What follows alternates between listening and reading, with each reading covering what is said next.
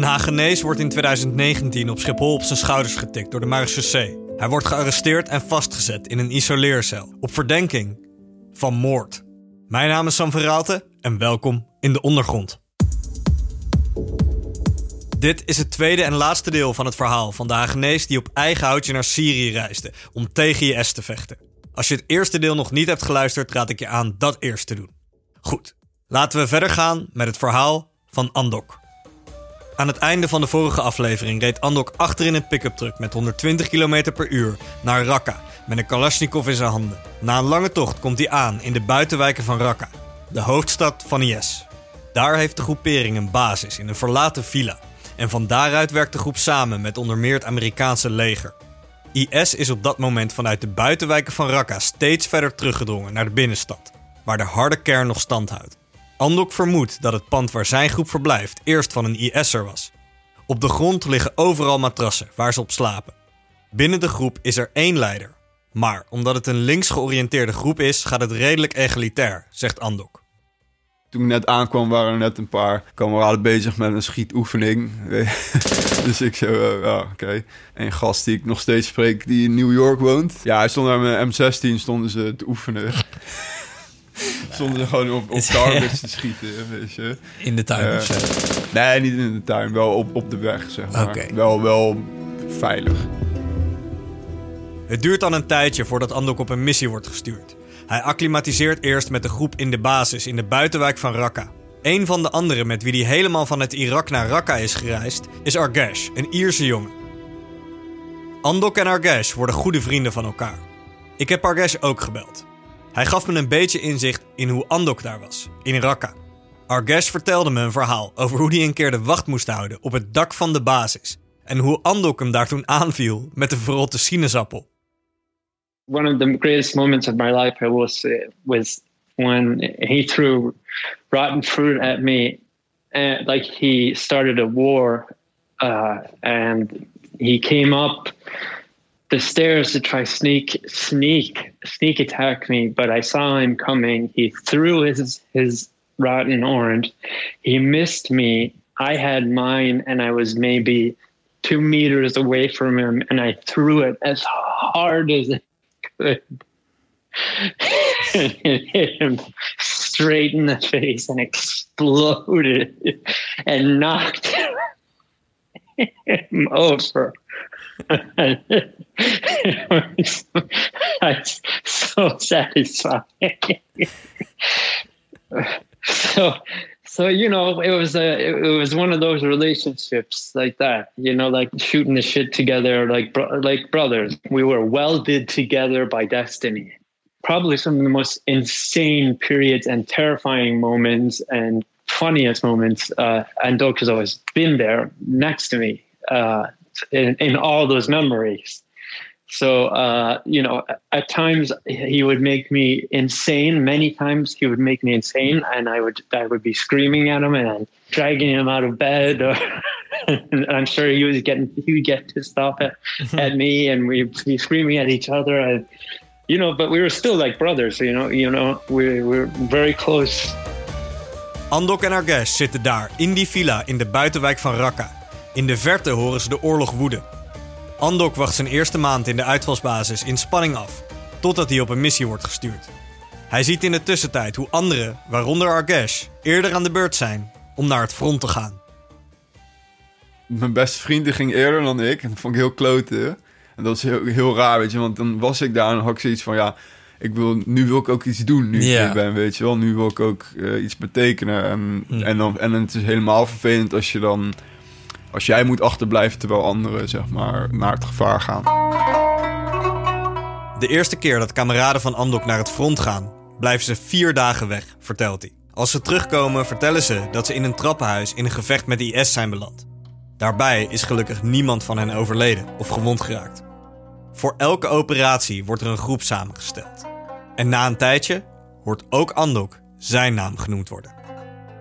De, de squads zijn gevormd en dan wordt gewoon je naam genoemd, zeg maar. Wat voel je op dat moment? Ja, heel veel. Aan de ene kant, weet je, ik wil niet, ik wil niet het woord blij gebruiken, maar wel, wel enthousiast, weet je, van, het is heel vaag. Het is, het is niet, je hebt een heel dubbel gevoel, weet je wel. Het is niet dat ik stond te springen om, om naar het front te gaan of zo. Maar ik wilde aan de andere kant ook wel weer heel graag weg daar en iets doen, weet je wel. In plaats van de hele dag in hetzelfde 50 vierkante meter zitten, weet je wel. Je wou je nuttig maken in die context. zeg Ja, ja, ja, want ja, dat is een beetje het ding als je dan dan bent. En vooral tegen die tijd waren het al hele goede vrienden al. Want je, je, je zit in zo'n situatie, dus weet je, je hebt met elkaar te doen, dus je leert elkaar heel goed kennen. Ja. Eh, dan is het heel kloten om achter te blijven en de hele tijd met zorgen in je kop te zitten van, want voor hetzelfde geld Komen ze niet terug. komen ze niet terug of zo, weet je wel. Dat is echt super fucked up. En dan heb je oprecht liever dat je er zelf bij bent, eh, dan dat je achter moet blijven, weet je wel. Voelde je ook spanning? Ja, ja, sowieso. sowieso. Om, in het begin, ik denk de eerste twee weken nam ik ook Tremadol. Van iemand die dat daar, eh, daar had Wat is dat, Tremadol? Ja, het is zo'n soort pijnstiller. Ja, gewoon bij het slapen gebruik ik dat. Maar ik denk na een week of zo, toen... eh, het was iets te, te kalmerend. dus ik had je op een gegeven moment ben ik niet meer wakker. Toen, toen ik werd zeg maar gevraagd om, eh, om eh, wachtdienst te komen doen. Toen- dacht je, dus het toen is wel dacht ik, genoeg. eh, met ja, het ja misschien moet ik iets alerter zijn. eh, maar het hielp wel in de eerste week of twee weken om überhaupt te kunnen slapen. Als Andok's naam is genoemd, vertrekt zijn groep niet meteen voor een missie, vertelt hij. Er gaat bijna een week overheen voordat de groep vertrekt. Je weet dat je ergens in die dagen moet vertrekken, maar het gaat steeds langer duren. Dus je denkt van, ja, gaat het nog gebeuren? En dan opeens komt, komt iemand naar je toe. Ja, we gaan over vijf minuten weg.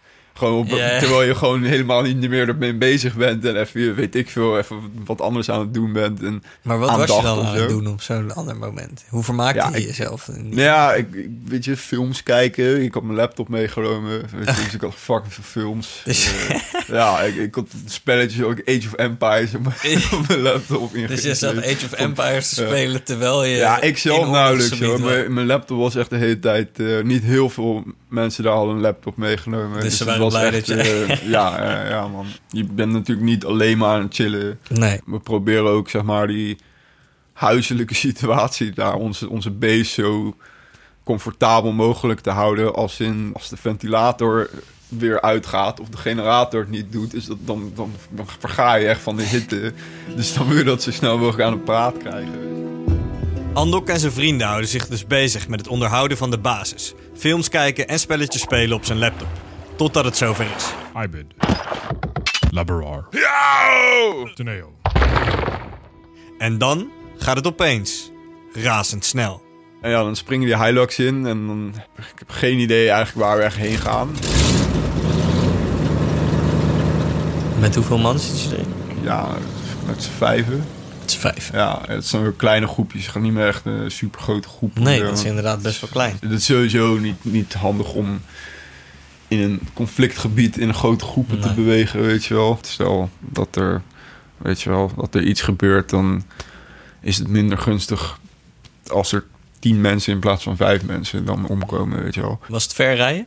Een half uurtje of zo. Het is niet ver rijden, maar het duurt lang. Je kan niet overal makkelijk doorheen rijden. Alles, er ligt overal afgebrokkelde huizen, gebombardeerde auto's. En, weet je, auto, autovrakken en van alles ligt gewoon over straat. Dus het is er, en er is wel enigszins een beetje een, een weg vrijgemaakt richting het front. Maar ja, het, is- het is best moeilijk manoeuvreren soms. Ja. Dus, eh, Dus je rijdt eigenlijk door die vernietigde stad, zeg maar. ja, eh, ja dat was heel surreal ook. Want, want zeg maar waar wij zaten was het nog wel... Ja, af en toe een, een, een kapot gebombardeerd huis en zo. Maar niet heel veel. En pas toen je in de stad, toen begon je echt de, de schade te zien. Dat is echt... eh, dat is echt niet normaal. Dat is echt bizar. Dat, dat is echt gewoon surreal, weet je. Dat is echt... Dat, dat, dat gewoon zo'n stad, gewoon zo, dat, dat je dan ook bij jezelf denkt van... shit, vier jaar geleden leef, was dit gewoon een bruisende stad. Ja. Weet je, en nu is het gewoon een soort spookstad. eh, alhoewel er wel een, een volop een conflict gaande is. Maar Alles kapot. alles kapot gewoon, ja toch? En het is heel triest om te zien, maar ook heel fascinerend. Na een half uur rijden komen ze aan bij een coördinatiepunt. Een hoog gebouw van waaruit de linie van IS in de gaten wordt gehouden. En waar Koerdische commandanten constant via radio's contact met elkaar hebben. Daar blijft de groep een halve dag. Na zonsondergang vertrekken ze voor de snipers. Ze bewegen zich stapje voor stapje door de stad. richting het gebouw waar ze heen moeten. Onderweg werken ze samen met de QSD, de lokale Arabische bevolking, die ook tegen IS vecht. Het waren gewoon jongens die uit de buurt kwamen die, eh, die graag wilden vechten tegen ISIS. Wauw. Om, ja, dat was wel heel eh, ja, indrukwekkend. Het was een beetje het ding, uh, Kastee was echt... Ze hadden niet heel veel discipline, zeg maar. Hoe oud waren die eh, gasten? Ja, vaak jonger dan ik. En ik, weet je, echt, echt 20 jaar, 19 jaar. Soms ook wel ouder, weet je. En ze hadden wel vaak een oudere gast als commander. Ja. Maar eh, echt gewoon, ja, gewoon jonge, jonge gastjes. De oorlog bestaat in die fase uit het steeds verder terugdringen van IS. Een coalitie van onder meer Amerikanen, Koerden en de lokale QSD trekt dan vanaf de buitenwijken van Raqqa steeds verder naar binnen, naar het centrum van de stad, waar de harde kern van IS stand houdt. Het overwinnen van terrein gaat letterlijk meter voor meter, gebouw voor gebouw. En dat is ook wat Andok en zijn groepje doen, vertelt hij. Tijdens de operaties richten ze zich telkens op een gebouw, om dat op IS te veroveren.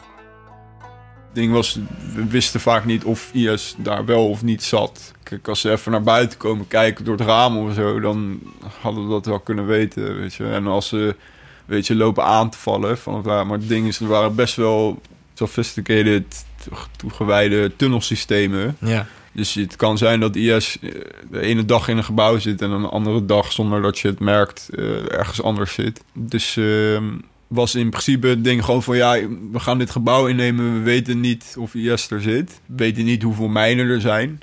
Want er liggen dus ook overal mijnen. Ja, ja, lag helemaal. Dat was de, op, op, op een gegeven moment begon ik te beseffen dat dat gewoon. Daar was meer gevaar in die mijnen. En ook psychologisch meer, meer angst voor mijnen dan, dan IS zelf. Ja. Want ja, zij hebben die mijnen achtergelaten natuurlijk. Ja, ja, ja het was echt. En die nog liggen steeds gewoon overal in de gebouwen Ja. waar jullie in gingen Ja, om te ja, kijken ja, of ja, zij ja. daar waren. Ja. En dan, Ja. Maar dan trapte daar dan wel eens iemand op. Ja, ja, ja. Jezus. Echt, echt veel te veel. Terwijl IS steeds verder teruggedrongen wordt, laten ze overal mijnen achter. Om zoveel mogelijk slachtoffers te maken, ook als ze gebouwen al verlaten hebben. Andok vertelt dat veel mensen sterven door op die mijnen te stappen. Vooral de jonge jongens van de QSD. Dat is echt fucked up. Het is heel triest, want het, is heel veel gebeurd dat die jongens... Die, die, die verdienen niet veel. Want die kregen wel het geld om, om in de KSD te dienen en tegen IS te vechten. Maar weet je, ehm, veel was niet. En het zijn natuurlijk jongens, die zitten in een stad waar... Weet je, alles achtergelaten is, kapot geschoten is. Dus je hebt heel, je hebt, je er zijn echt veel doden gevallen doordat mensen naar geld aan het zoeken waren, naar waardevolle dingen aan het zoeken waren, of naar eten aan het zoeken waren. In die verlaten huizen. Ja, ja, ja. En ja. dan op een Zelfs al, ook al weten ze dat het zeg maar gevaarlijk is. Tijdens Andok's eerste operatie komt zijn groep aan bij een hoog flatgebouw, vertelt hij. Daar overnacht de groep voordat de operatie echt begint. Het doel de volgende dag is om een nabijgelegen gebouw over te nemen en veilig te stellen. Maar dat is niet makkelijk, omdat strijders van IS vanuit een ander gebouw dat gebouw onder vuur nemen. Andok wordt op de uitkijk gezet, samen met zijn vriend Argesh. Ze staan buiten op een soort van garage, vertelt hij, om het gebouw dat ze willen veroveren in de gaten te houden. Maar los van de hitte is de uitkijk houden nog niet zo makkelijk. Vooral door de insecten. Sta ik daar anderhalf uur gewoon met allemaal vliegen die de hele tijd. eh, What the fuck. ja, eh, Veel vliegen dus ook. ja, echt, echt. Vooral in de, in de binnenstad, weet je, waar, waar ik zat in mijn base ook, maar viel nog wel mee. Maar daar was echt, echt niet normaal. Ik heb nog nooit zoiets meegemaakt. Die Amerikaanse vriend van mij, Argesh, die zat, eh, ik denk vier meter van mij vandaan. Ja. Die zat in een andere hoek in de gaten te houden. En ik kon hem letterlijk, toen hij tegen mij praatte, gewoon niet horen. Omdat er zoveel vliegen bij What me horen. Weet je? Is je gewoon zoveel, ja toch? Dan is het tijd voor actie. Andok vertelt dat zijn commandant contact heeft met de Amerikanen, die met onder meer de Koerden samenwerken en vooral via luchtaanvallen meedoen aan de oorlog. De commander van Andok moet de coördinaten van het gebouw waar IS zit doorgeven aan de Amerikanen, zodat zij dat gebouw met straaljagers kunnen bombarderen. Waarna Andok en zijn groep een gebouw op kunnen schuiven. Maar dat gaat helemaal mis. Wat er dus gebeurd was, is dat onze, onze commander, die zat met coördinatie te praten. En er was dus het punt wat wij moesten innemen en het punt waar ISIS, punt wat wij moesten innemen, zat aan te vallen. Dus je had één locatie waar wij naartoe moesten. En één locatie iets verderop waar ISIS vanuit zat te schieten, zeg Ja. maar. En toen eh, is er iets langs de lijn richting de Amerikanen iets fout gegaan. Wat er gebeurt is die coördinaties van het punt van IS en van het punt waar wij naartoe moesten zijn, zijn omgewisseld. Jullie, jouw commando had verkeerde coördinatie Ja, ja, ja, doorgegeven aan de. Amerikanen. Ja, ja, ja. Toen werd dus verteld van ja, oké, de Amerikanen gaan zo meteen eh, hun ding doen. Weet je, die gaan zo meteen die locatie bombarderen. Waar IS zat. Ja, ja, dat was de bedoeling. De commandant van Andok heeft per ongeluk de verkeerde coördinaten doorgegeven aan de Amerikanen. Waardoor straaljagers van de Amerikanen niet het gebouw van IS bombarderen, maar het gebouw waar naar Andok en zijn groep heen zouden bewegen. En dat gebouw is veel dichter bij Andok dan het gebouw waar de IS-strijders zitten. Dat eigenlijk gebombardeerd had moeten worden.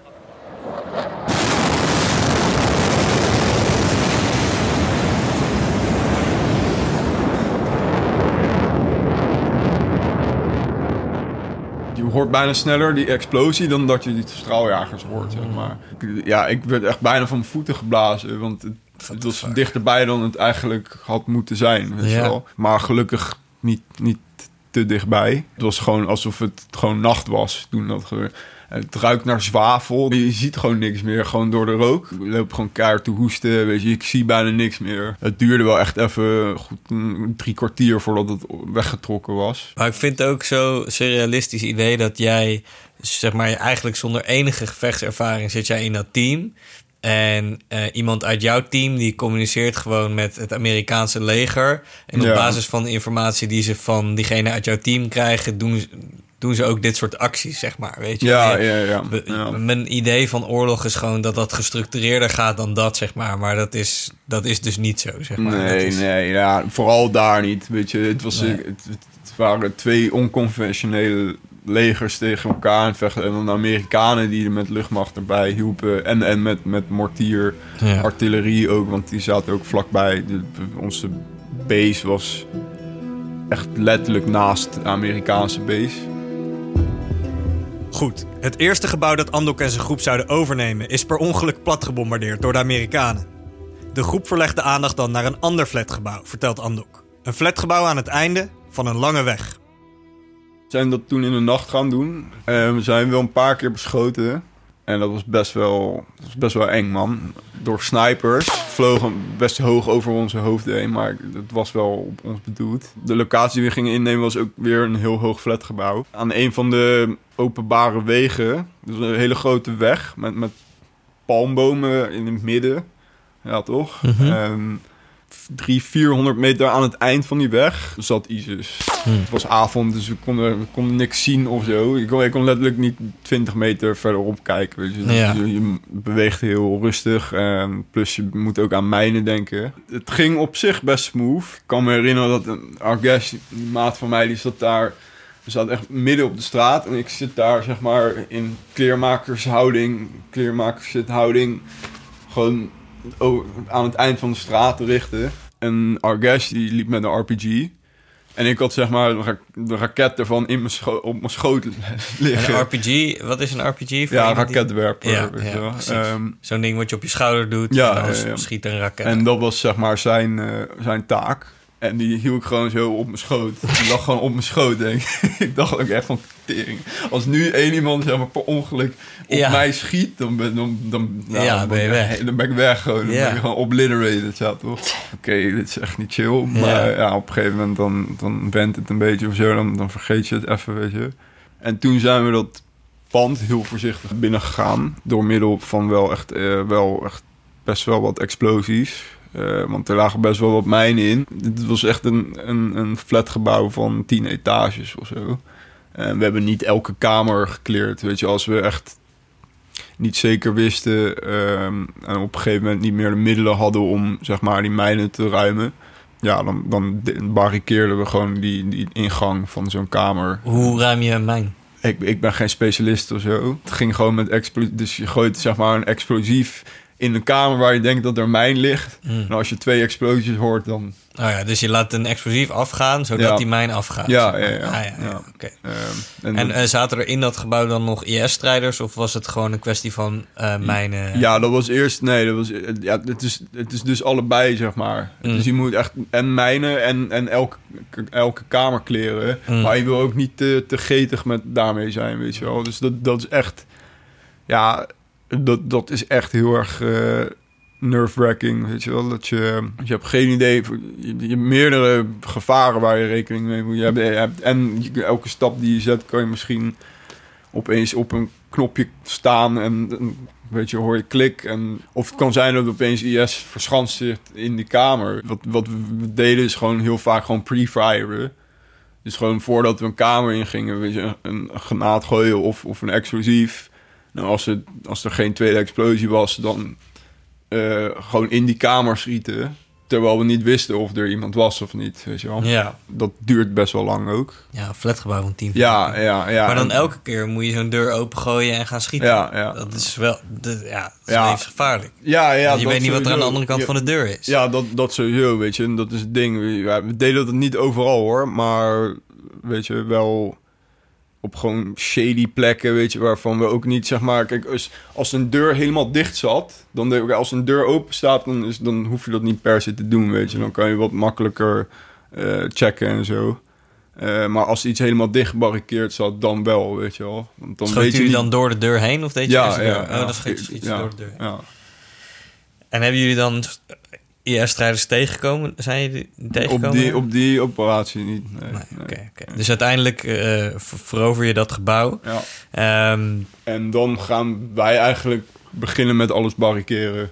wat houdt dat in? Dus zeg maar alle, alle ingangen naar het gebouw gewoon helemaal afbaken. Gewoon een bank en allemaal, gewoon allemaal meubels, gewoon het helemaal afbakenen. Hm. En dan hebben we eigenlijk in principe maar één sluiproute uit het gebouw. Ja. Zeg maar wat niet de normale ingang van het gebouw is. Eh, en dat doen we dan door middel van gewoon een gat maken in een muur. En de buitenmuur van het pand. Daar ben je ook wel echt een uur mee bezig of zo. En dan ehm, ja, wordt dat zeg maar je route in en uit. Zodra dat, dat gat in die muur zit en dat, dat onze route in en uit is, dan is het er constant iemand daar wacht te houden. Het is echt hard werk, weet je. Het is echt Dat mentaal, fysiek vermoeiend. wel. Ja, ik ben, vaak ben ik al helemaal moe als ik met mijn vriendin een middagje ben gaan shoppen of zo. ja, ja, precies. Ja, ik ook. Ja, toch? Ja.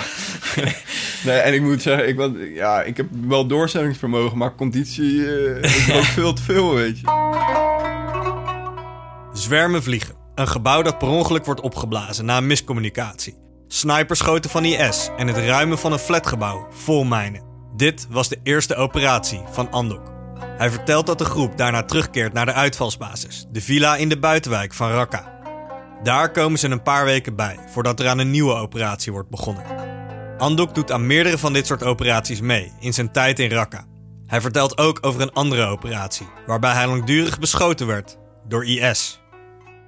werden we door mortier en sniper onder vuur genomen. Ja, toen werd het gewoon de hele je hebt geen idee wat je aan het doen bent. Weet je, je, je, probeert maar wat, zeg maar. Je hebt eigenlijk bijna, bijna altijd geen idee wat er gebeurt. Commander gaat niet de hele tijd heel even poeslief aan je uitleggen wat er allemaal aan de hand is en wie wat waar. Weet je, daar, daar heeft hij geen tijd voor. Ik moet dan gewoon maar het ondergaan en, en mijn positie beveiligen, weet je. En that's it. Ik, ik, Ja. ik, er is geen tijd of, of ik, ik heb het geprobeerd in het begin van... kan je gewoon niet eh, uitleggen wat er aan de hand is? Ja, ja. Waar zitten ze? Weet je wel, maar dat gaat gewoon niet. Nee. Weet je, je hebt gewoon... Ja, het is echt een folk of war, weet je. Je hebt gewoon geen idee wat er eigenlijk gebeurt. Ik zat achter een muur die ja, iets hoger was dan ik zelf. Zeg maar aan de andere kant van die muur... Die muur was denk ik, ja, wat... Denk nog geen 50 centimeter breed. Dat was buiten gewoon. Dit was ergens... eh, Bakstenen muurtje. ja, ja. En aan de andere kant qua- sloegen de kogels in. Zeg maar. In gewoon, muur. gewoon zeg maar richting mij. Gewoon, gewoon aan de andere kant van de muur. Ja. Eh, en het, ja, het is heel bizar, want je hoort zeg maar die... Dus ze Je wisten hoort, jij- je hoort eerst die kogels en dan hoor je in de verte zo... poef, hoor je zo die, die sniper schieten, zeg maar. Het is heel vaag, dat, dat eh, effect van het geluid, zeg het maar. geluid is later dan de ja, kogelinslag. ja, ja, ja. En zij wisten gewoon, jij zit daar. Ja, Hoe zijn jullie uit die situatie gekomen? via eh, het gebouw wat links van ons zat, gewoon daarachter eh dekking genomen. En toen vanaf daar, zeg maar, vanaf de linkerkant van de weg, eh, van, van de weg, zeg maar, waar we van beschoten werden, zijn we gewoon eromheen ge, geflankt, zeg maar. Hm. En ehm, toen op een gegeven moment, toen, toen hoorden we ook explosies en zo, dus toen stopte het ook. Dus Heeft iemand anders ze onder vuur genomen? of ja, ja of, of de Amerikaanse luchtmacht, of? Ja, weet je, eh, ja. ja, Het is grappig als jij dan zegt van... Ja, gewoon via dat andere gebouw geflankt, zeg maar. Alsof het heel normaal is om zoiets te doen. Maar voor mij, ik zit nog steeds Ja. te denken van... Je Ik snap, ik, man. Snap ik, man. Snap ik. Ja, het is vandaag de dag, ben ik er heel, weet je, heel nuchter over. Los van de gevechten gebeuren er ook andere dingen in Raqqa. Op Andoks Instagram heb ik veel foto's met een hondje gezien. Chico. Daar vraag ik hem naar. De eerste dag dat ik aankwam, kwam Sarin, een, een, Turkse kameraad. Zij is later eh, overleden. Was een hele goede eh, vriendin van mij. Zij kwam opeens aanlopen met een puppy. Het beestje was echt nog geen drie weken oud of zo. Ja, die hebben toen eigenlijk gewoon gelijk onder ons vleugel genomen daar. En die is echt met de hele strijd door in zes maanden lang gewoon opgegroeid met ons.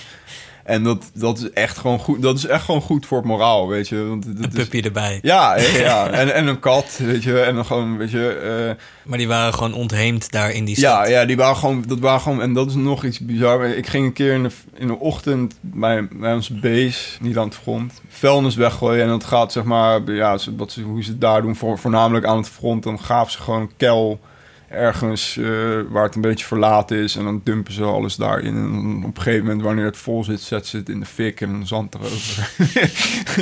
ja. Ja. Ja, er is geen, eh, case, er, ja. is geen, weet je, georganiseerde Nee, vuilnis. Er komen, eh, komen geen vuilnismannen langs één keer in de week, nee, nee. nee. En ehm, ik ging dus het vuilnis weggooien. Ehm, en toen, ik liep zeg maar, het was een soort zijstraatje. En dan had je links een, een kapotgeschoten bus in een veld. Zeg maar echt een toeristenbus. Hm. En dan een heel groot gat ernaast. En ik loop zo de hoek om, dat is die straat in. En ik zie aan het eind van de straat echt een groep, een groep honden. Allemaal verschillende honden. Allemaal verschillende rassen. Echt acht, negen honden of zo. En die hebben echt zo'n moment, dat, ik echt, dat ik echt zo'n moment met ze had. Dat ze zo opeens allemaal zo opkijken, zo naar me kijken.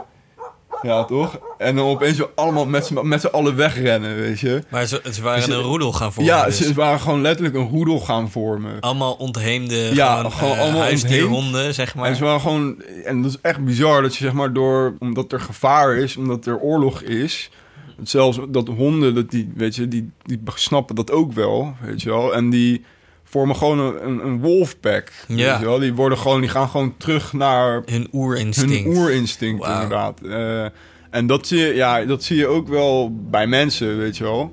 Hetzelfde, weet je, dat je die saamhorigheid en, en je, gaat, je gaat niet overleven als je jezelf helemaal gaat isoleren. Tot nu toe heeft Andok heel nuchter verteld over de oorlog in Raqqa. Alsof het hem allemaal niet zo heel diep raakte wat daar gebeurde. Maar hij moet er ook verschrikkelijke dingen gezien hebben. Ik vraag hem of hij in de strijd tegen IS ook mensen verloren heeft. Of heeft zien sterven. Ik heb wel mensen, eh, weet je, voor mijn ogen zien overlijden, maar niet, gelukkig, alhoewel het nog steeds heel fucked up was, eh, niet, niet iemand waar ik heel close mee was.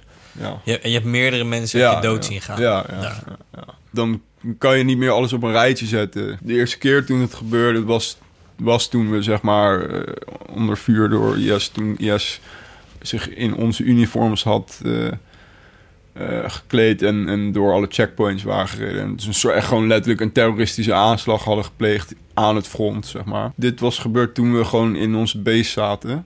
Oh shit, dus Ja, zij ja. hadden zich verkleed in jullie Ja, uniformen? ja, ja. Ze zijn toen door de checkpoints en ze zijn toen naar het ziekenhuis, het ziekenhuispunt en ook het punt waar de journalisten eh, komen. Omdat ze waarschijnlijk wisten dat, dat het daar minder bewapend was. Ze zijn niet naar ons toe gegaan, weet je wel. Ze zijn daarheen gegaan omdat ze wisten dat het minder beveiligd zou zijn. Toen hebben ze daar, eh, ja, toen zijn ze daar aangekomen, hebben ze gewoon zoveel mensen eh, zoals ze kunnen geprobeerd meer neer te schieten. Ik stond op wacht toen het begon, zeg maar. Eh, ik hoorde opeens schoten en je wordt wel vaker schoten. Want soms lopen mensen te oefenen en zo. Hoor je één, twee keer een schot en that's it. Maar nu hoorde ik opeens een paar schoten. En toen hoor ik opeens weer van een beetje een andere positie schoten. En toen bleef dat doorgaan. En toen, weet je, toen had, wist ik ook gelijk... Oké, fuck, eh, dit is... eh, die is niet goed. Weet je, eh, en want het was ook echt dichtbij. Het was ook dichtbij de Amerikaanse basis die op dat moment vlakbij ons zat. Weet je wel. Die zijn daarna ook gewoon gelijk gedoekt. Daarna, die zijn, die zijn kort daarna gelijk weggegaan. Van dat, dat punt hebben we iemand in een deken. We hebben een deken als brancard gebruikt.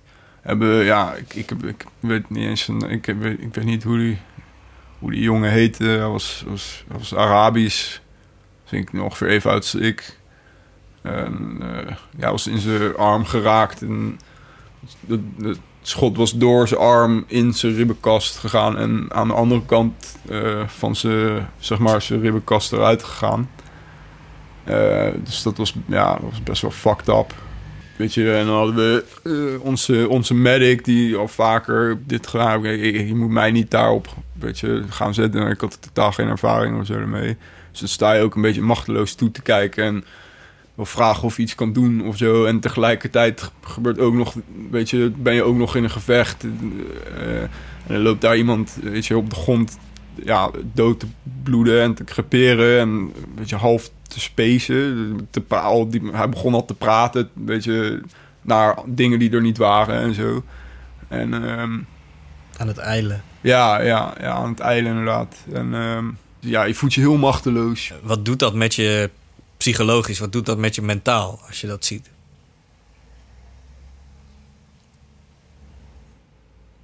Daar probeer ik er nog steeds achter te komen eigenlijk. Ik wil er eigenlijk niet, weet je, ik denk er niet vaak meer aan tegenwoordig. Ik heb het een beetje weggestopt, zeg maar. Niet, niet heel bewust, of zeg maar. ehm, ik heb het er nog wel eens over, weet je. Ehm, maar ja, dat, ja, dat was, eh, ja, dat was gewoon fucking traumatiserend. Andok vertelt dat hij met zijn neus op de feiten werd gedrukt toen hij voor het eerst echt de horror van oorlog zag. Hij begon veel na te denken over de hele zinloosheid van deze oorlog van IS. En je zou misschien denken dat als je zoiets hebt meegemaakt, je voorzichtiger gaat doen als je iemand hebt zien sterven. Maar Andok vertelt juist dat hij losbandiger werd. Gisteren was gisteren, vandaag is vandaag en morgen is niet gegeven. Dat werd zijn mentaliteit. En ik probeer me in te leven in Andok's situatie daar. Het schept natuurlijk een enorme band met elkaar als je door zulke gebeurtenissen gaat. En hij was daar in een groep met alleen maar andere jonge mensen. Je was daar met allemaal jonge mensen die vanuit dezelfde ideologie handelden. Ja, Ehm, mannen, vrouwen. Ontstond er ook liefde op zo'n plek? Ja, ja, het was wel officieel verboden. Als in, het mocht eigenlijk niet. Weet je, het, het- wat ik op zich ook wel echt wel begrijp. Want uit militair oogpunt gezien is het gewoon niet verstandig. Je, je kan daar verder niks aan doen. Weet je. Je, je, je kan verliefd op iemand worden en weet je, je kan niet jezelf forceren dat dan niet te doen, weet je wel. Of, ehm, maar ja, ja, zeker wel. eh, ja, dat was wel echt geheim dan, zeg maar. Het moest wel in het geheim. Want... ehm, heb, heb jij een relatie gehad daar? Ehm, ja, ja, ik ben verliefd geweest op, op Sarin. eh, waar ik het net over had, zij is later omgekomen. Sarina was. Ehm ze komt uit de, bij de Zwarte Zee, eh, uit Turkije, in de buurt. Ehm,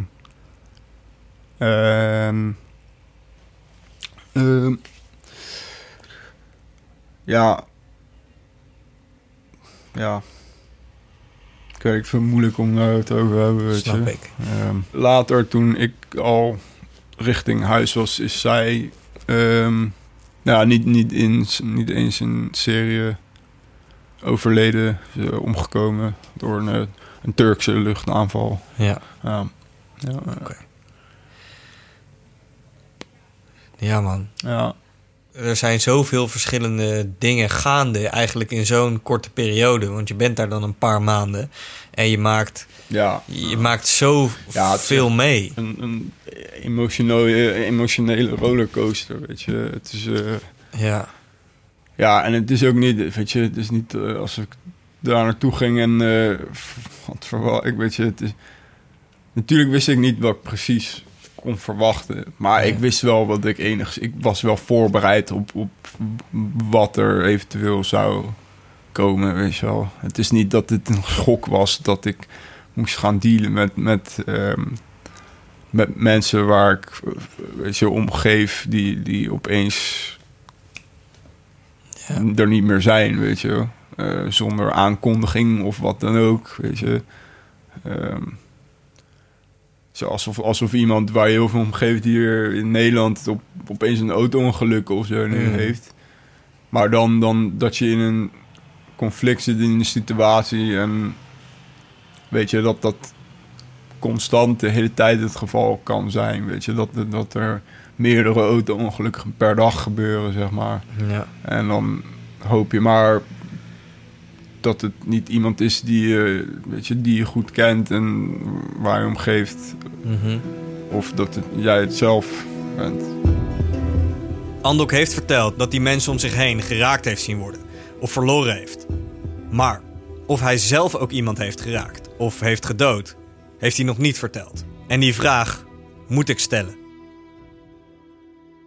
Een vraag die ik nog niet gesteld had, eh, en als je er geen antwoord op wil geven, dan eh, begrijp ik dat ook.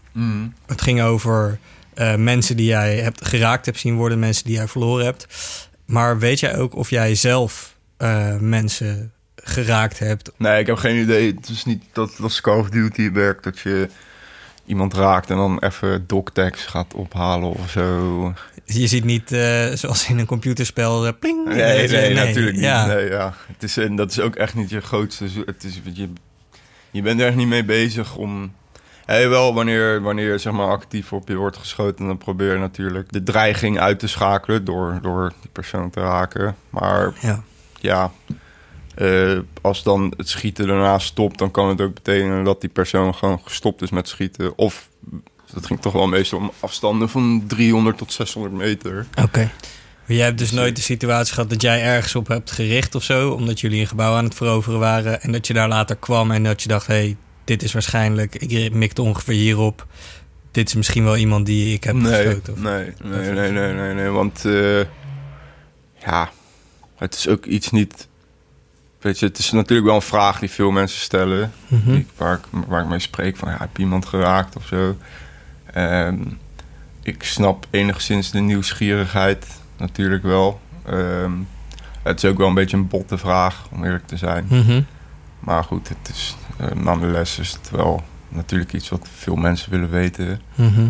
Ehm, maar ja, eerlijk gezegd, ik heb daar niet echt wel antwoord op. Zo, Nee. wat ik nu net zeg. Weet je. Het is ook niet iets waar bijna iedereen zich mee bezig hield. Het is voor nou, het is, je, je denkt alleen maar om je eigen, weet je, je eigen overleven, je eigen survival. En niet eh, andere mensen uitschakelen. Ja, ik snap het. Het is een botte vraag, maar Ja. inderdaad, het moet ook gesteld worden natuurlijk. Ja. Nee, ja, Ehm, snap ik. Maar dan zit je, zeg maar, je zegt ik, eh, ik weet dat niet, want het is niet zoals een computerspel en het is op grote afstand. Ja. Ehm, maar wat jij wel, dan dus wel weet, is dat, je, dat die mogelijkheid er wel is, zeg maar. Je weet dat je het niet weet, laat ik het zo zeggen. Ik Ja, weet ja. van mezelf dat, Ja. ik niet, Nee, dat ik dat niet heb gedaan, zeg maar, snap je? Ja. Hoe is dat om eh, mee te leven, zeg maar, met het idee van dat je misschien wel iemand geraakt hebt of zo? Ja. Ik, denk, ik sta er eigenlijk niet echt bij stil, om eerlijk te zijn. Eh, het, zou- het zou anders zijn geweest als ik een idee, als ik zeg maar zou moeten denken van, oh, ik heb misschien burgers geraakt of zo. Maar je weet, zijn maar ik, IS, ik weet waar, ja, en het was niet zomaar IS, weet je, waar ik uiteindelijk in belandde en de gevechten waar we in zaten, was wel echt, dat waren niet meer de IS als in burgers die ontvoerd waren door IS en gedwongen werden om te vechten omdat anders hun familie zou worden afgemaakt of zo. We zaten echt tegen de Harde kern. harde ideologische kern van IS... die waarschijnlijk heel veel slechte dingen gedaan hebben. Ja. Dus ik, en plus, je pas je heel erg snel aan als je in zo'n situatie verzeild raakt. En Ja. je, Je schakelt je gevoel uit. ja, ja, ja. En ehm, dat gaat best wel snel. De alliantie die tegen IS vecht, die onder meer bestaat uit Amerikanen en Koerden, rukt steeds verder op in Raqqa. De harde kern van IS wordt steeds verder teruggedrongen naar het hart van de stad. En naarmate de oorlog vordert, wordt duidelijk dat IS het niet lang meer uit gaat houden. Eerst komt er een staakt het vuren tot stand. En dan, ineens, uit het niets, geeft IS de stad op en is de strijd om Raqqa voorbij. Here, suspected Islamic State group militants surrendered to Kurdish led democratic forces in Raqqa. Hundreds of IS group forces have reportedly surrendered over the past few days in a deal negotiated between local tribal chiefs and Kurdish forces. Ik werd wakker in de ochtend. En ik hoorde echt, echt bizar veel explosies. Echt aan één stuk door, alleen maar. Eh, wat dus bleek, blijkbaar had dus eh, IS, eh, Daesh, had al hun ammunitiedepots. Dus al hun waren, al hun plekken met waar al, al hun ammunitie lag opgeslagen in de brand gestoken. Al hun wapens. Ja, dus al- ook, ook alles stond blank. Ik, je zag gewoon de hele stad was gewoon één grote rookwolk. En alleen maar gewoon urenlang gewoon explosies. Dus dat, ja, dat was echt bizar. Ja, toen wisten we zelf wel van oké, dit, dit, weet je, dit is niet voor niets. Diezelfde dag of de dag daarna, toen heb, we- heb ik allemaal aan het einde van de straat heel hele grote vrachtwagens met allemaal mensen erin. De IS of, burgers eh, die eh, de stad uitreden. En het is een beetje een controversiële deal geweest. Er was dus heel veel kritiek. Want de SDF, de Koerden, hadden een deal gemaakt met IS. Dat IS zich zou overgeven. En alle burgers zou meenemen weg uit de stad naar het zuiden, naar Deir ez-Zor. Om meer slachtoffers in, in die strijd in, in, in Raqqa te voorkomen en zoveel mogelijk burgers te bevrijden. Wat mij betreft vind ik vind dat echt geen slecht iets. Maar de, vooral de westerse media die was veel. Die, die, die kritiseerden dat heel erg. te- eh, ja, van ja, hoe kun je nou een deal maken met terroristen? Bla, bla, weet je wel. Ehm, ja, maar ja, uiteindelijk, weet je, eh, het is makkelijk praten voor westerse media. Ook gewoon niet, weet je, nadenken over van, ook, ja, dit zal waarschijnlijk een hoop levens besparen. Weet je, dat, dat, Dus effectief, zeg maar, IS gaf zich over. Ja. Maar ze mochten dan vertrekken. ja, En eh, naar een andere eh, ja, plek. ze werden letterlijk in een kolonje, ehm, ja, moesten ze allemaal naar het zuiden, naar een andere stad, veel meer in het zuiden rijden. Ja. En dan werd dat ook gewoon, zeg maar, er was gewoon luchtsupport om dat in de gaten te houden door het Amerikaanse leger. Oké. Eh, Dus en wat er, eh, nog er bleef wel was. een kleine kern IS. Er bleef nog wel, er bleven nog wel strijders over van IS. Die wel... Die zich niet overgaven. Ja, ja, die, ja. die gingen niet akkoord met... eh, en dat met waren voornamelijk de, iets van 150 strijders. Dat waren, naar wat wij hoorden, voornamelijk de buitenlandse IS-strijders. Dus de, ja, mensen die niet... Bijvoorbeeld Nederlanders, Duitsers. Bijvoorbeeld die- Nederlanders, Duitsers, Engelsen. ja, die hadden niks om naar terug te gaan natuurlijk. Nee, nee, en, het waren, en die hebben ook dit, weet je, in die laatste dagen voornamelijk zichzelf opgeblazen. Of, of weet je, hebben een, zo lang mogelijk een, een gebouw met een sniper. eh, weet je, dat soort Ja, dingen. nog wat slachtoffers geprobeerd te ja, maken. Ja, ja. Is er ook een, eh, een feeststemming op dat moment? Want eigenlijk is dat het moment waarop jullie gewonnen hebben. Ja. hebt- op dat moment ervaar jij hoe het is om een oorlog te winnen. Ja, ja, ja. Uiteindelijk eh, toen hoorden we dus van onze commander... dat die kreeg door de radio te horen dat, het, dat de IS zich had overgegeven. Dat je aan het einde van die straat bezag die wagens, die explosies van de ammunitiedepots. Het was wel best duidelijk dat dat zou ge- gebeuren, weet je. Maar het was nog niet officieel. Maar toen het officieel was, was het wel een feeststemming. Ja, moet ik wel eerlijk Wat zeggen. gebeurt er dan? Ja, iedereen gaat in de lucht schieten. ja, dat is een heel veel voorkomend ding daar. Helemaal niet veilig trouwens. Want daardoor vallen best nog wel eens slachtoffers door. Ja. Want die kogels komen natuurlijk op een gegeven moment toch weer een keer naar beneden. Wordt er gezopen dan ook? Wat, eh, Nee, nee, dat niet. Er wordt, ja, er wordt gewoon wel gefeest. Maar het was natuurlijk nog steeds... Je bleef wel op je hoede. Want het was, nog, het was ook duidelijk dat er nog wel strijders overgebleven waren. Dus om dan, zeg maar, je Helemaal los te guard laten gaan. los te ja. laten is niet echt... Dat is ook lullig als je dan ook weet je wel, alsnog na de hele Ja, strijd. ja. Weet je, dus daar blijf je wel voorzichtig mee. In het midden van de stad staat een voetbalstadion waar IS jarenlang mensen heeft vastgehouden, gemarteld en vermoord, die zich niet naar hun wensen schikten. En juist daar, in het midden van de stad, barst een enorm feest los nadat duidelijk is dat IS Raqqa heeft opgegeven. Mensen rijden er zelfs rond op paarden en schreeuwen het uit van geluk. In the centre of Raqqa is the main football stadium. They're holding victory celebrations here at the moment, but through Islamic State's reign of terror, it was synonymous with death. People brought here rarely left. Dat, dat stadion was wel iconisch, dat ze dat bevrijd hadden. Dat, weet je, dat, dat was wel een beetje gewoon een symbool. Het was symbolisch om dat daar te doen. Omdat daar al die vreselijke dingen gebeurd waren. Hoe was het voor jou persoonlijk dan? Je bent ooit, is het idee in jouw hoofd gekropen hier in Den Haag om iets te gaan doen, daarheen te gaan. Ja, Eh, nou, we hebben het helemaal, eh, toen we hier voor het eerst over spraken, vertelde je over de rugtas met boeken waar je ging rennen op het Ja, strand en ja. zo.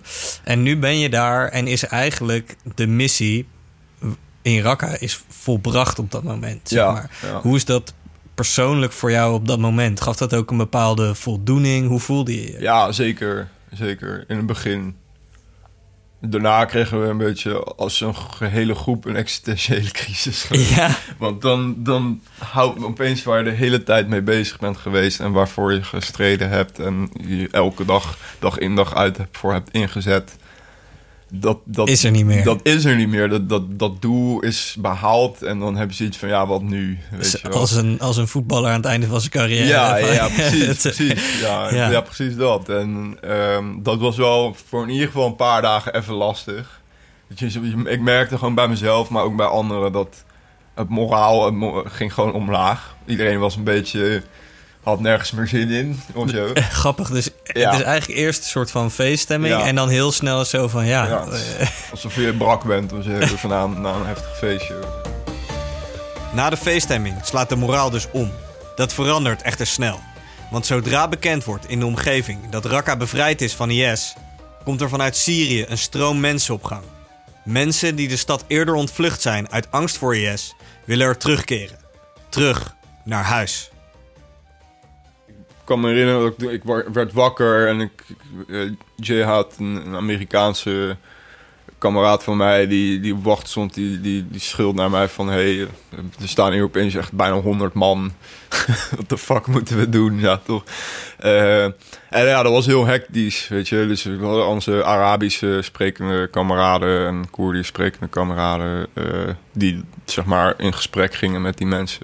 Toen kwam eigenlijk een nieuwe objective, wat, wat de burgers helpen die terugkeren naar hun huizen was. mooi. En ja, ik was veel bezig om die mensen te helpen aan, met, met logistieke dingen. Weet je, met eten, water, elektriciteit, generator aan de praat krijgen, zodat ze elektriciteit thuis zouden hebben. Eh, dat soort dingen. Ook veel kinderen die. Vaak hadden we dat wel, dat, veel, dat opeens een paar kinderen naar ons toe komen lopen en dat ze ons vertelden dat, dat ze ehm, iets hadden gevonden. Ja. En dat was altijd wel eng, want ja, dan gaat er een van ons met hun mee. En is toch altijd zijn heel, weet je wel, van ja, kijk uit. De extreemste situatie was dat we echt een auto met, ik denk iets van 20 vaten met explosieven erin. Dus Jezus. gewoon een, eh, die, die, waar, waar die kinderen zaten te spelen. Jezus. Ehm, en ook mijnen en dat soort dingen. Eh, dus daar moesten we ook nog een beetje mee dealen. Andok vertelt dat hij nog zeker een half jaar in Raqqa is gebleven nadat de stad was bevrijd. In die periode hielp hij mensen terug te keren naar huis. Deze fase heeft voor Andok dus bijna net zo lang geduurd als de strijd zelf. Het gevaar ligt in die fase nog steeds op de loer. IS heeft overal mijnen achtergelaten en alsnog overlijden er regelmatig mensen die per ongeluk op die mijnen gaan staan. Maar er zijn ook mooie momenten, vertelt Andok. Het werk wordt dan meer humanitair, waar Andok in eerste instantie voor naar het gebied afreisde. Ja, dat is een, een heel, heel klein meisje en, en haar broertje volgens mij. En die kwam elke dag...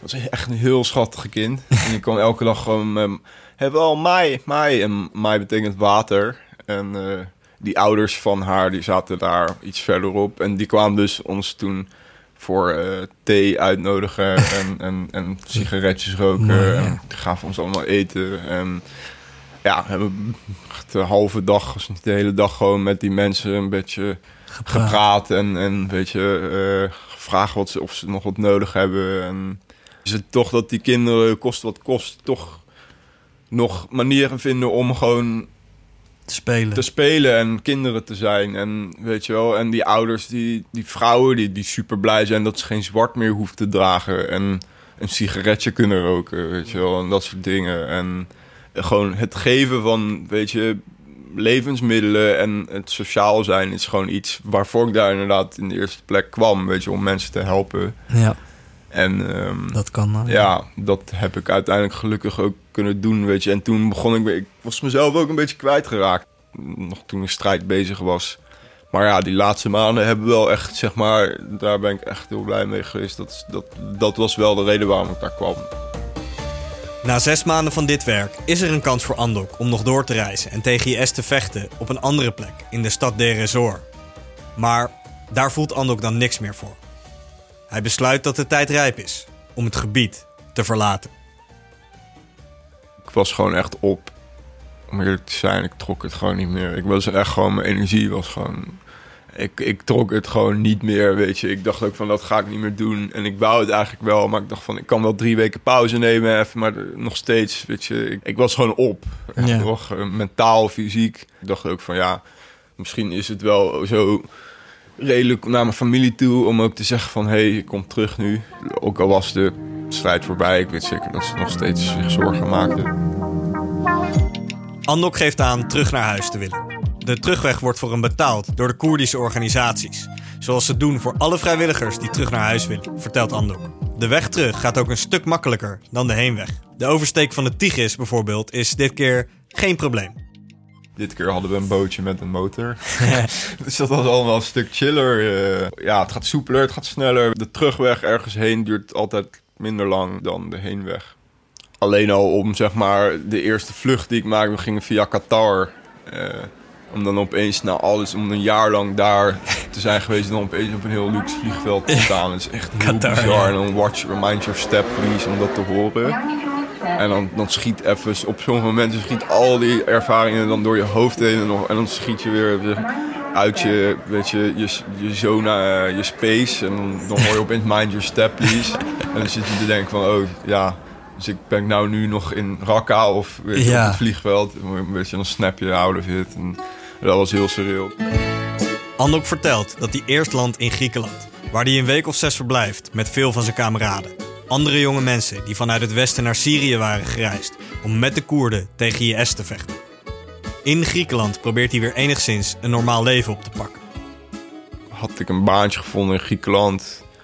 Callcenter en niks voor mij, ik echt nooit moeten doen. dat was echt een hele, hele vage stap om de, na alles om dan te denken van... hé, laat ik voor de eerste keer eens proberen in een callcenter te gaan werken. In Griekenland. In Griekenland.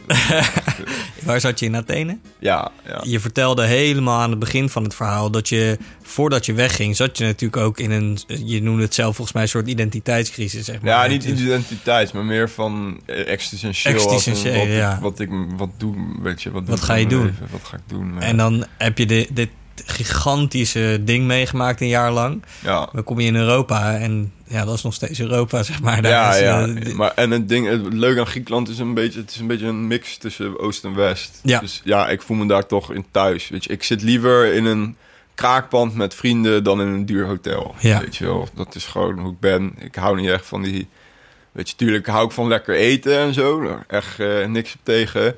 Maar ik zit liever, weet je, sociaal in iets gewoon wat een beetje karakter heeft en afgeraffeld is of zo, dan dat ik in een of ander duur fancy hotel zit of zo. En Griekenland was dat, zeg maar, eigenlijk ja. wat dat betreft, ehm, metaforisch gezien. En Nederland was het dure hotel waar met alle regeltjes en zo. En, eh, Ja, Ja. ik vind ook, eh, je legt denk ik ook mooi uit dat het soort van, eh, het lijkt me ook een betere overgang tussen waar je was, letterlijk, eh, geografisch gezien, maar ook gewoon cultureel gezien.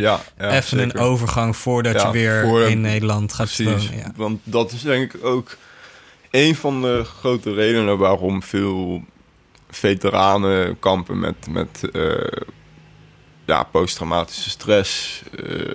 is omdat als jij de ene week in een gevechtssituatie zit, in bijvoorbeeld Afghanistan, ehm, je hebt eergisteren nog in een strijd gezeten, letterlijk. En twee dagen later zit je opeens op je bank thuis.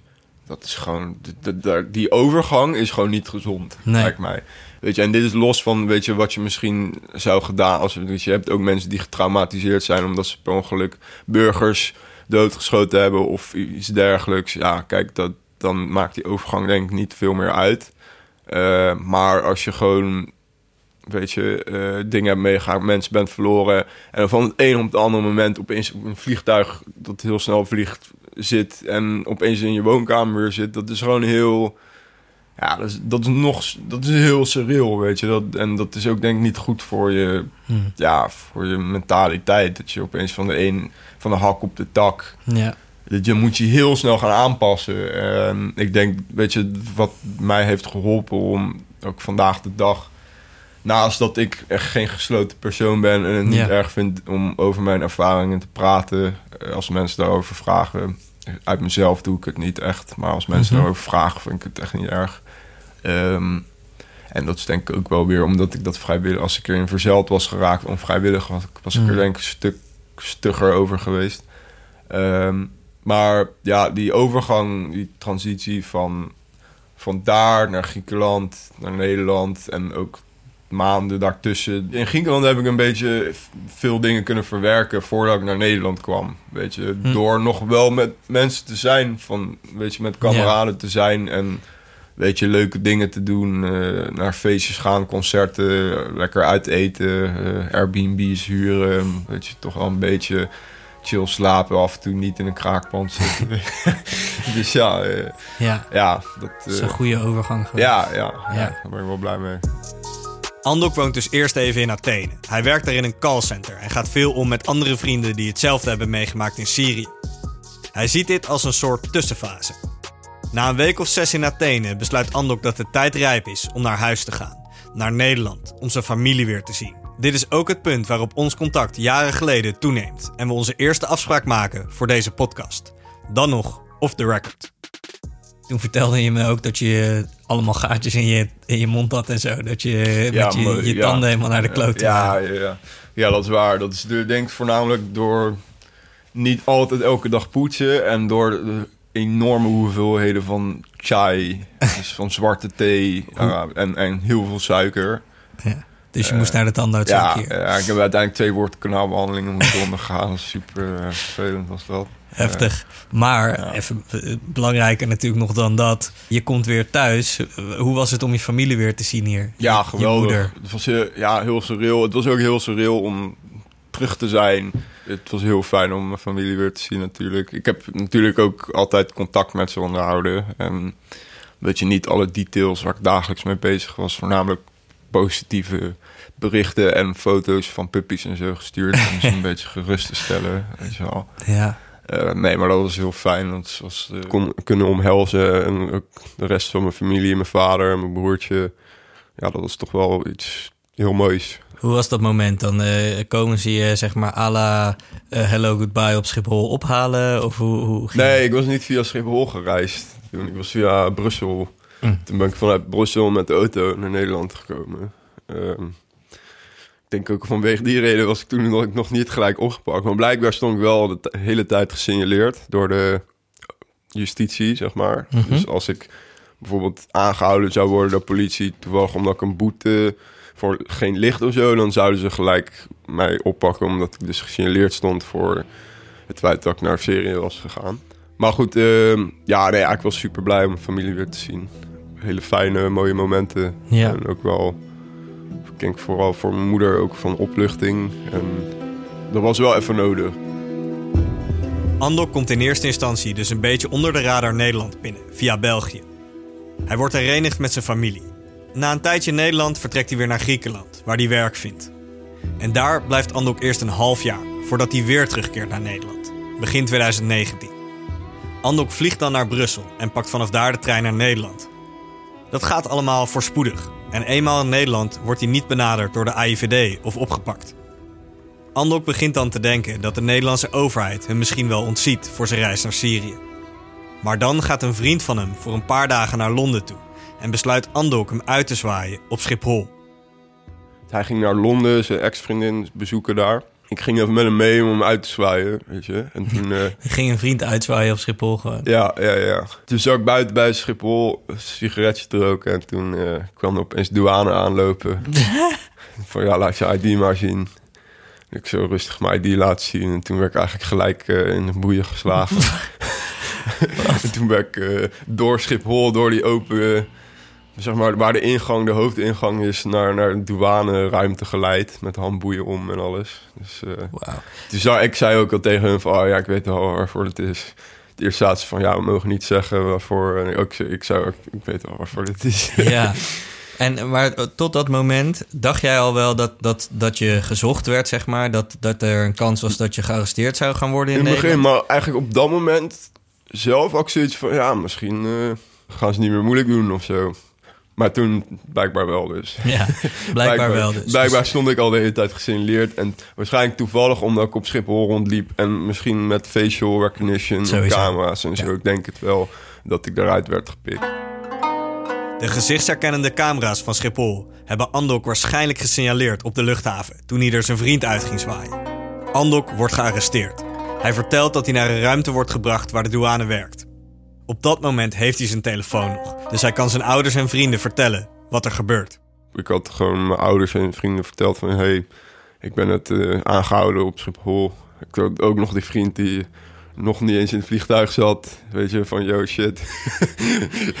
ik denk dat ik eh, even voorlopig even eh, moet gaan zitten of zo. Andok vertelt dat hij eerst naar Utrecht wordt gebracht. Hij weet dan nog niet wat hem ten laste wordt gelegd. Maar hij hoort wel het een en ander van de douane. Ik wist alleen van, dit is sowieso voor, voor omdat ik naar Syrië en dat weet ik wel, weet je. Maar ik wist niet waar ik letterlijk voor werd aangehouden of van werd verdacht, zeg maar. Maar later vertelde een van die douanegasten van ja, dat, dat houdt in, in principe dat je verdacht wordt van moord. En ik zo, what the fuck? dat kan dan, dat is echt een fout, dat moet wel een fout zijn, weet je wel. Dat kan toch niet? Hierna wordt Andok overgeplaatst naar een gevangenis bij Bad Hoeverdorp, vertelt hij. Dat zit vlakbij Schiphol en daar zitten vooral mensen die het land uitgezet gaan worden. Andok vertelt dat hij daar in een isoleercel wordt gestopt. de eerste twee dagen mocht ik geen tv kijken. Eigenlijk ook geen radio luisteren. Ik mocht niet eens mijn advocaat bellen. Blijkbaar mensen die verdacht worden van moord. En ook in het nieuws zijn gekomen. Zeg maar dat die zaak in het nieuws komt. Dan moet je, zeg maar, mag je daar niet iets van te horen te krijgen. Ik vond het, vond het op zich geen probleem. Want ik had zoiets, oké, chill. Dan heb ik gewoon een cel voor mezelf. In plaats van dat ik het moet delen met iemand. Dus ik vond dat helemaal niet zo erg. Maar op dat moment met jou mentaal, want je, je bent wel in één keer van je vrijheid beroofd, zeg maar. Je zit in één keer vast in een cel. Ja, Oké, op zich chill dat je hem niet hoeft te delen. Ja. Maar je weet in één keer natuurlijk helemaal niet, zeker niet als je verdacht wordt van moord. Hoe was dat mentaal voor jou op dat moment? Wat, wat ging Ja. er in je hoofd om? Ja, dat was best wel het vooral inderdaad het niet weten waar ik aan toe was. Eh, dat was best wel lastig. Ik moet ook heel eerlijk zijn dat misschien het proces van opgepakt worden en vastgezet worden in de gevangenis zitten, vooral de laatste keer in de laatste gevangenis waar ik in heb gezeten, misschien wel bijna traumatiserender geweest is dan mijn hele ervaring in Syrië, in Koerdistan. En dat heeft denk ik ook wat te maken met dat ik gewoon mijn persoonlijke vrijheid en onafhankelijkheid heel erg waardeer en daar heel veel om geef, zeg maar, qua ook in wat mijn karakter betreft. Dus als, je, als, ik, mijn, als ik iets, zolang ik iets doe wat in vrijheid is, vind ik dat oké. Maar wanneer mijn vrijheid wordt afgenomen en ik dus nergens heen mag en dus zeg maar in een cel wordt gezet, ja, dat is gewoon, ja, dat, is, dat vind ik gewoon heel lastig. Eh, dat is voor de meeste mensen ook wel lastig, denk ik. Wat, wat gebeurt er dan in je hoofd? Het duurde denk ik twee of drie dagen voordat ik zeg maar uit isolatie mocht. Als in, toen mocht ik gewoon een tv en familie bellen en mijn advocaat bellen. Dus ik wilde gewoon vooral contact met mijn familie en vragen hoe het ging. En ook met mijn advocaat van, hey, hoe zit dit? Eh, en uiteindelijk werd ik voorgeleid. Toen kreeg ik voor het eerst officieel te horen dat ik dus van moord werd verdacht.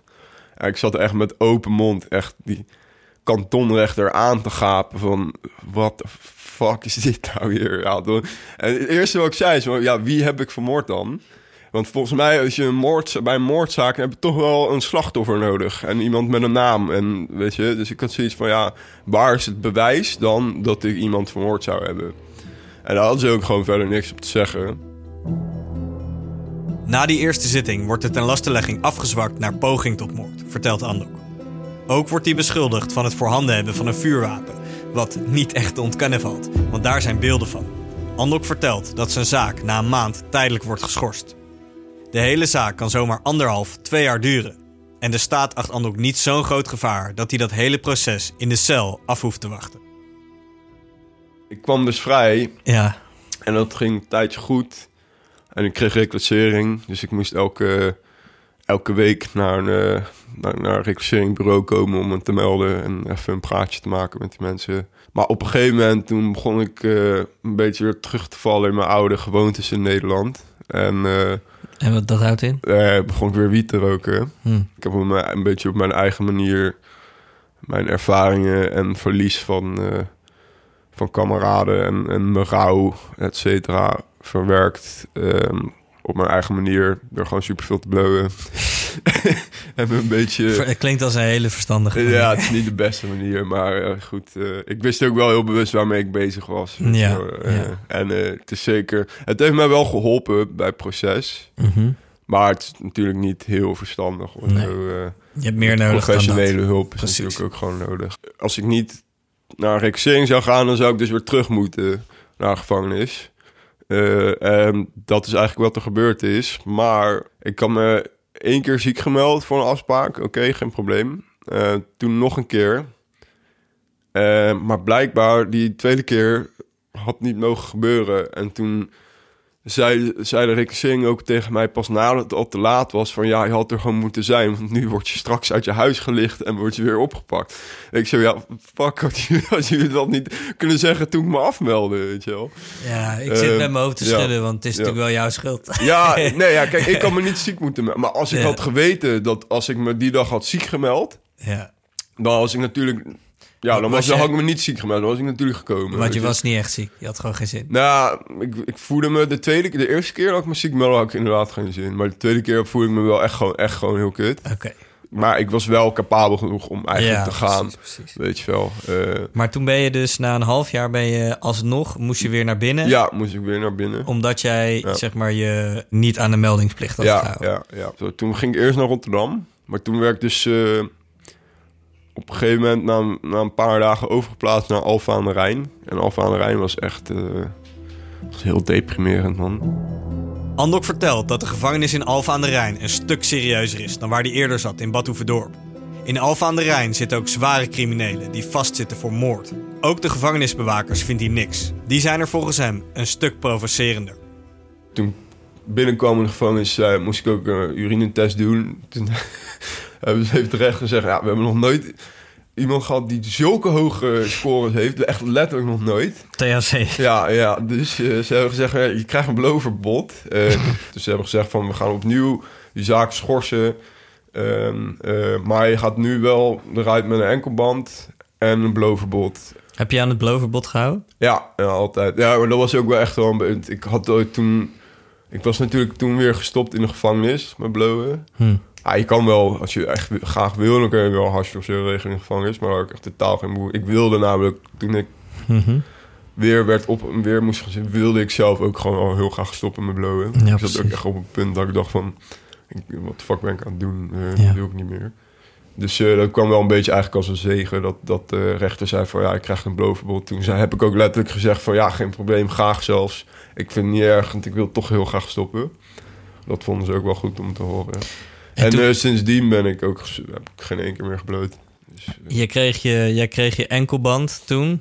De enkelband die nu nog steeds om je enkel zit. ja, Mag ik hem even zien? Dan kan ik hem even omschrijven voor degene die naar de podcast luisteren. Hij zit nu onder een, eh, een Levi's sok. ja, Het is een grijs kastje eigenlijk. ja, het is, het is in principe Met gewoon een een GPS. Met een grijze band. Ja, het Met is gewoon een soort band, GPS. ja. Is het, het lijkt me ook best wel kut zitten. Nee, dat valt mee. En je doucht ermee en alles. Douche Hij gaat mee, het is gewoon waterdicht. Je kan ermee zwemmen als ik wil. De overheid heeft beelden waarop te zien is dat Andok in Syrië was, met een Kalashnikov in zijn handen. Maar bewijs dat hij daar meer heeft gedaan dan dat, is er niet. Andok zegt zelf ook dat hij echt denkt dat hij daar niemand vermoord heeft. Uiteindelijk wordt hij in Nederland veroordeeld voor het voorbereiden van poging tot doodslag. En dat is opmerkelijk, aangezien doodslag altijd zonder voorbereiding gebeurt. Maar ik snap het ook wel weer dat justitie hem ergens voor wil veroordelen. Als straf voor zijn reis naar Syrië krijgt Andok een taakstraf van 240 uur, een enkelband en een voorwaardelijke gevangenisstraf van twee jaar. Ik kreeg 240 uur taakstraf door en ik dacht, oké, weet je wat, ik, ik, ga niet, ik weet dat dit eigenlijk, als ik in hoger beroep zou gaan, zou ik waarschijnlijk mijn zaak winnen. Maar ik heb helemaal geen zin om hier nog een jaar langer mee bezig te zijn. Ik, wil, ik doe wel gewoon die taakstraf en dan gewoon ben ik er klaar mee. Weet je, oké, vervelend dat ik dan nog een tijd... eh, waarschijnlijk mijn enkelband moet lopen. Maar ja, dat is niet het ergste. Ik mag hoe dan ook, of ik nou een enkelband heb of niet, toch niet het land uit. Ik heb daar ook helemaal geen zin in. Ik, ik zit gewoon prima. Ik wil gewoon even in Nederland gewoon mijn ding doen en, en iets opbouwen, weet je. Maar dat, daar zeg je wel wat, want je zegt je wilde gewoon wat in Nederland opbouwen. Maar dat gaat natuurlijk een stuk lastiger Ja, als klopt. jij veroordeeld bent voor voorbereiden van poging tot doodslag Klopt. en een Ja. enkelband draagt. Ja, ja, ja zeker. Eh, maar ja, ik, kijk, het ding is, ik heb geen ambities om, om bij, weet ik wil bij eh, bijvoorbeeld ING of zo, of eh, weet je, gewoon een carrière te maken bij iets eh, Corporate of, corporate of, of wat overheid, ook. Nee, ja. dat is ook niet echt mijn ding of zo. Nee. Weet je, ik, eh, ik hou ervan om gewoon praktisch werk te doen, in de bouw te werken. Ja. Weet je, ik wil graag een houtbewerking, meubelmaker, cursus gaan doen. Ja. Eh, dus zeg maar, dat is nog wel het minste. Dat ik zeg, het is wel nog steeds heel bot en ja, niet chill dat ik dat inderdaad op mijn naam heb staan. Want dat gaat nooit meer weg. Andok vertelt dat hij de taakstraf invulde bij een bejaardentehuis en in een kringloopwinkel. Dat ging soepel. De enkelband bleef nog wel even om. Andok is gaan werken in de bouw in Nederland. Hij heeft een vriendin en verschillende katten. Hij woont nu in een gezellig sociaal huurappartement in Scheveningen. Andok is ook bezig zijn rijbewijs te halen. Het gaat goed met hem. Zijn leven is rustig. Andok wil ook weer gaan voetballen bij de club waar we vroeger allebei speelden, in Den Haag.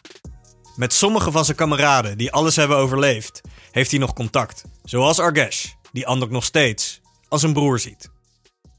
I'm very proud of Andok, and I don't say that in like a you know talking down kind of way, but I'm very proud of what what he's done. That it seems like he's got a lot of his, stuff organized. He's he's he's helping me out. You know, he seems to have a good relationship. Uh, things are, are going well for him. It's like it, you know, we're like brothers forever. You know. Andok was one is one of the un, unsung heroes. I think he get he doesn't get enough credit for uh, importance of his role and the, the many different roles he played. Goed, terug naar Andok. Hij woont nu in Scheveningen en is een leven in Nederland op aan het bouwen. Maar alhoewel de oorlog in Raqqa inmiddels jaren geleden is voor hem, betekent dat natuurlijk niet dat alles verleden tijd is. Als je zoiets meemaakt, kan dat een blijvend effect hebben op je psychologische staat. Je hebt natuurlijk een hele heftige strijd meegemaakt. Je hebt een oorlog meegemaakt, een hele heftige oorlog. Ik kan me ook voorstellen dat je nu nog eh, mentaal eh, wat hebt overgehouden aan, aan, aan de strijd die je hebt gevoerd in Syrië. Wat merk jij daar nu nog van? Nu vandaag de dag waar ik, waar ik wel af en toe nog van wakker lig... is situaties en momenten waar ik dan laatst nog... dat ik echt om vijf uur s'nachts uh, zat... nou, niet te piekeren, maar zat na te denken van... wat als het zo gegaan was? Of wat als het zo, weet je, wat what if? Wat Een specifieke als het, situatie. Ja, wat als het nou net niet, zeg maar... op die manier was gegaan, maar op een andere manier... En ook de gedachtegang bij mezelf probeer ik mezelf bewust ook wel vaak nog bij stil te staan. Van toen ik echt in situatie zat dat ik al eigenlijk vrede aan het maken was met het feit dat ik misschien dood zou gaan. En dat dat mijn laatste dag of nacht zou zijn. Uh, die mindset is voor mij iets heel, ja, om eerlijk te zijn, heel bijzonder. Dat er wel dingen door je hoofd gaan schieten en dat je ja, dingen gaat beloven aan als je gelovig bent aan God en anders aan het universum, zoals bij mij, en belooft om dingen beter te gaan doen in je leven. Ja, ik, ik, had, ik had verwacht dat ik veel zwaarder mentaal beschadigd zou zijn toen ik op mijn weg terugkwam. Ik, het, het viel veel meer mee dan ik zeg maar, uh, dan ik bang voor was. Het is niet dat ik. Uh, nachtmerries heb of zo. Of, okay. of uh, zwetend wakker word. En, of dat ik flashbacks heb. Ik denk wel af en toe terug gewoon aan willekeurige momenten. Maar het, het, hoeft helemaal niet te zijn dat het over een beetje momenten zijn die, waar ik misschien getraumatiseerd. Dat heb ik gewoon. Dat heb ik niet alleen over mijn tijd daar. Ik heb gewoon altijd wel af en toe dat ik gewoon willekeurige herinneringen door mijn hoofd gaan die ik die al heel ver heen waren en dan opeens denk ik, oh ja, bij bepaalde geuren of zo.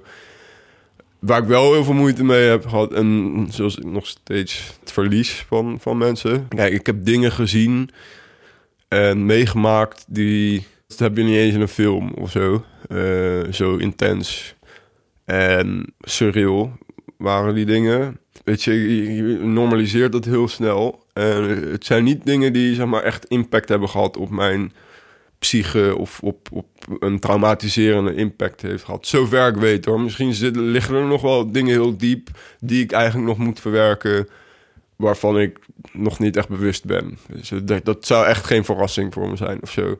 Maar ik heb geen overduidelijke posttraumatische stressstoornis of zo, symptomen daarvan of wat dan ook. Praat je met iemand, een therapeut? Ja, ja ik moet, moet verplicht contact met de reclassering. Heb ik uiteindelijk gewoon heel veel aan. En ik mhm. mag, mag die mensen ook heel erg veel. Het is echt, echt gewoon bijna vrienden geworden. Het zijn hele mhm. lieve mensen. Ik moet verplicht naar een forensisch, wel een forensisch, uh, maar wel een psycholoog. Dus elke week, elke woensdag, ga ik een uurtje daarheen en dan ga ik praten over, niet altijd over mijn tijd daar, maar ook over gewoon hoe mijn leven nu gaat en zo. En kan ik een beetje mijn ei kwijt. Maar tegelijkertijd hebben ze ook wel verplicht onderzoek moeten doen naar mij. Dus is een delictanalyse, wordt dat genoemd. En, uh, maar ja, goed, daar heb ik e-, echt wel wat aan gehad. En nog steeds heb ik daar wel wat aan. En dat zijn ook gewoon lieve mensen soms dus ik denk van, is het überhaupt wel echt gebeurd? Weet je wel, het is gewoon surreal om dan te denken van, ja, oh ja, dat, dat heb ik echt gedaan. Ik ben daar echt geweest. Ik heb daar echt, uh, weet je, mensen geholpen en, en me daar uiteindelijk bij in de strijd beland. Dat op de een of andere manier nou, alles overleeft. Het is niet goed om daar elke dag bij stil te staan, elke dag daarmee bezig te zijn. Maar af en toe vind ik het niet erg om me daar even te aan herinneren. En als, als ik zeg maar loop te klagen over mijn tv. Mijn kat heeft nu mijn tv. Uh, die weet hoe die op mijn PlayStation kan klimmen. En die gaat dan steeds, als ik FIFA aan het spelen ben, gaat die, die poppetjes gaat die dan aan krabben. Als ik nu mijn tv aanzet, de link, ik moet een nieuwe tv kopen. Want er zitten allemaal verticale lijnen. En dan, ja, dan was ik daar één dag gewoon echt gewoon fucked up over. Van holy shit, ik heb net deze tv nieuw. En maar ja, en als ik dan op dat moment denk van... ja, gast, uh, lekker boeien. Uh, voor hetzelfde geld als je dood geweest of zo. Of voor hetzelfde geld. En je hebt mensen die gewoon nu nog daar in de shit zitten. Uh, en dan loop ik hier een beetje te klagen over mijn tv. niet moeilijk doen. Gewoon wanneer je gemak hebt, weet je wel. En ja, daar probeer ik wel gewoon veel bij stil te staan, weet je. En nu zitten we hier in je appartement in Scheveningen. Ja. Een paar honderd meter van het strand waar jij met een boekentas op ging rennen voordat ja, je ja, wegging. Klopt. Ja, ja. Dat, dat heb ik ook nog gedaan. Ja, ja, dat was eigenlijk helemaal het begin. Ja, voordat je überhaupt 2016. Ja. ja. En nu zit je hier, is de enkelband eigenlijk nog het laatste ding wat er, wat er echt fysiek aan, aan herinnert, zeg maar. Dat dit, uh, dit allemaal gebeurd is. En dat je dit allemaal gedaan hebt. Met wat voor gevoel kijk je nu terug op dat je, dat je dit allemaal gedaan hebt? Zou je eigenlijk willen dat je het niet gedaan hebt? En als je het wel gewoon blij bent met dat je het gedaan hebt, met wat voor gevoel kijk je daar nu, nu op terug? Ik heb tijdens mijn rechtszaak wel spijt betuigd voor het feit dat ik een misdaad ben begaan.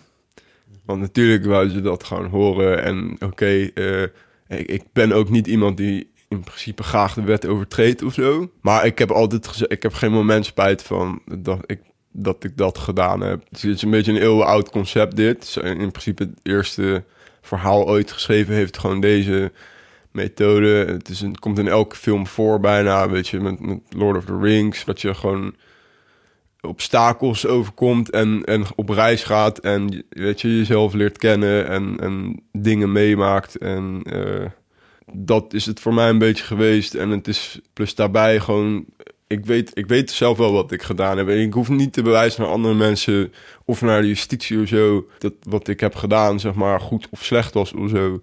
Ik weet zelf wel wat ik heb gedaan, weet je. Als ik nu alles opnieuw zou kunnen doen, zou ik het zo opnieuw doen. Het liefst zou ik het nu opnieuw allemaal willen herleven. En misschien wat meer aandacht hebben voor kameraden die nu niet meer vandaag de dag leven. Dus daarmee bedoel je dat je het hele avontuur nog een keer zou beleven, maar niet dat je nu nog een keer. Nee, nee, nee. nee, nee. Kijk, ik heb wel genoeg mijn geluk op de proef gesteld. En eh, als ik een kat zou zijn, dan zouden de meeste van mijn negen levens nu al op zijn. Ehm, Zou je er acht op gemaakt hebben? ja, ik denk het wel. Eh, Acht en een half. Dus eh, tenzij ik zeg maar zelf in een situatie beland dat ik dat we hier thuis, weet ik veel, Russische leger of zo, lijkt me heel sterk hoor. Maar kijk, kijk dan, eh, dan ben ik echt wel iemand die gewoon die niet wegrent van zijn situatie. Maar ik ga zeker niet meer zelf op zoek eh, naar zoiets wat met geweld te maken heeft. Ja. Eh, bijvoorbeeld vrijwilligerswerk of zo nog doen. Eh, of ehm, gewoon iets zelf ondernemen. Zelf een dat, dat, zou ik, dat zou ik heel tof vinden. Weet je. En dat zou ik graag nog willen doen. En ik wil me zeker blijven inzetten voor deze wereld en de mensheid. Ehm, maar op dit moment ben ik vooral gewoon met mezelf bezig. Omdat ik, weet je, ik moet mezelf ook gewoon op een rijtje hebben voordat ik weer dat soort dingen eh, kan gaan doen en me kan gaan inzetten voor anderen. Het is, ik denk ik, het beste wat ik gedaan heb in mijn leven. En ehm, nog steeds denk ik, alhoewel ik veroordeeld ben en zo, ehm, is dat het gewoon waard geweest. Zeker, ja. Als je zegt, je wilt eerst even voor jezelf op een rijtje hebben allemaal, dan kan je andere dingen gaan doen. Wat wil je dan gaan doen? Ja, ik ben, ik ben niet echt iemand die vooral na alles wat ik heb meegemaakt op lange termijn denkt. dat zit er nog wel een beetje in. Zoiets van ja, voor hetzelfde geld, eh, wat heeft voor zin om over, om over tien jaar te plannen als ik er misschien morgen niet ben. Maar ik begin dat nu wel meer te doen. Ik, ik heb nu een mooi huisje, ik heb eh, een beestje, ik heb geen boompje. Maar weet je, ik wil toch wel het liefst wat ik nu wil is gewoon een stabiel leven in Nederland. En gewoon een steady, steady headquarters. Gewoon, gewoon Goede basis. gewoon goede basis, ja. En eh, als dat allemaal gefixt is, dan ga ik daarna wel verder kijken wat ik zeg maar echt graag wil doen. Ik wil gewoon graag dingen ondernemen, gewoon die eh, betekenis hebben. Niet iets wat puur uit kapitalistisch gewin is. Gewoon iets wat, wat gewoon waarde heeft voor de wereld in het geheel. En eh, ik wil me daar een beetje op focussen. En op mezelf. Want Ja. ik heb zoiets van, ja, ik heb lang genoeg eh, anderen verkozen boven mijzelf. En het is nu ook wel tijd dat ik ook voor mezelf kies. En ook mijzelf gewoon eh, op, even op de eerste plek zet. En eh, in het algemeen heb ik daar wel altijd moeite mee. Want ik ben gewoon niet, niet iemand die zichzelf zo snel op de eerste plek zet. Maar ik heb nu wel beseft, na lange gesprekken, dat als ik weer iets wil doen, wat gewoon, weet je, iets, iets goeds wil doen en iets, iets betekenisvol eh, uit vrijwillige zin, dan kan ik dat niet doen als ik mijn eigen shit niet op orde heb. Weet je wel, dus ik wil eerst wat je zegt, gewoon een goede basis hebben, man. Dat is nu het belangrijkste. Dus eh, ja. Nou, dat lijkt me een hele mooie om op te eindigen. ja, toch? Ja. We hebben vijf sessies gezeten uiteindelijk. Ja, shit, joh. Over een langere periode. Ja. Ja, man. Eh, elke keer eh, iets meer dan een uur ongeveer. Yes, Eh, ik ga nog wat tijd nodig hebben om het allemaal te editen en zo. snap ik. Maar het is een flink verhaal, man. Ja. En, en je zal het de rest van je leven zal je het bij je dragen. Ja, klopt. Klopt. Hartstikke bedankt dat je het met me wilde delen. Geen probleem, man. Graag gedaan. Dankjewel, Sam. man. Dankjewel, man. Dan staat Andok op en laat hij zijn kat Beans binnen, die meteen begint te spelen. Ik ruim de podcastspullen op en we gaan naar buiten. In de wijk halen we een broodje vis.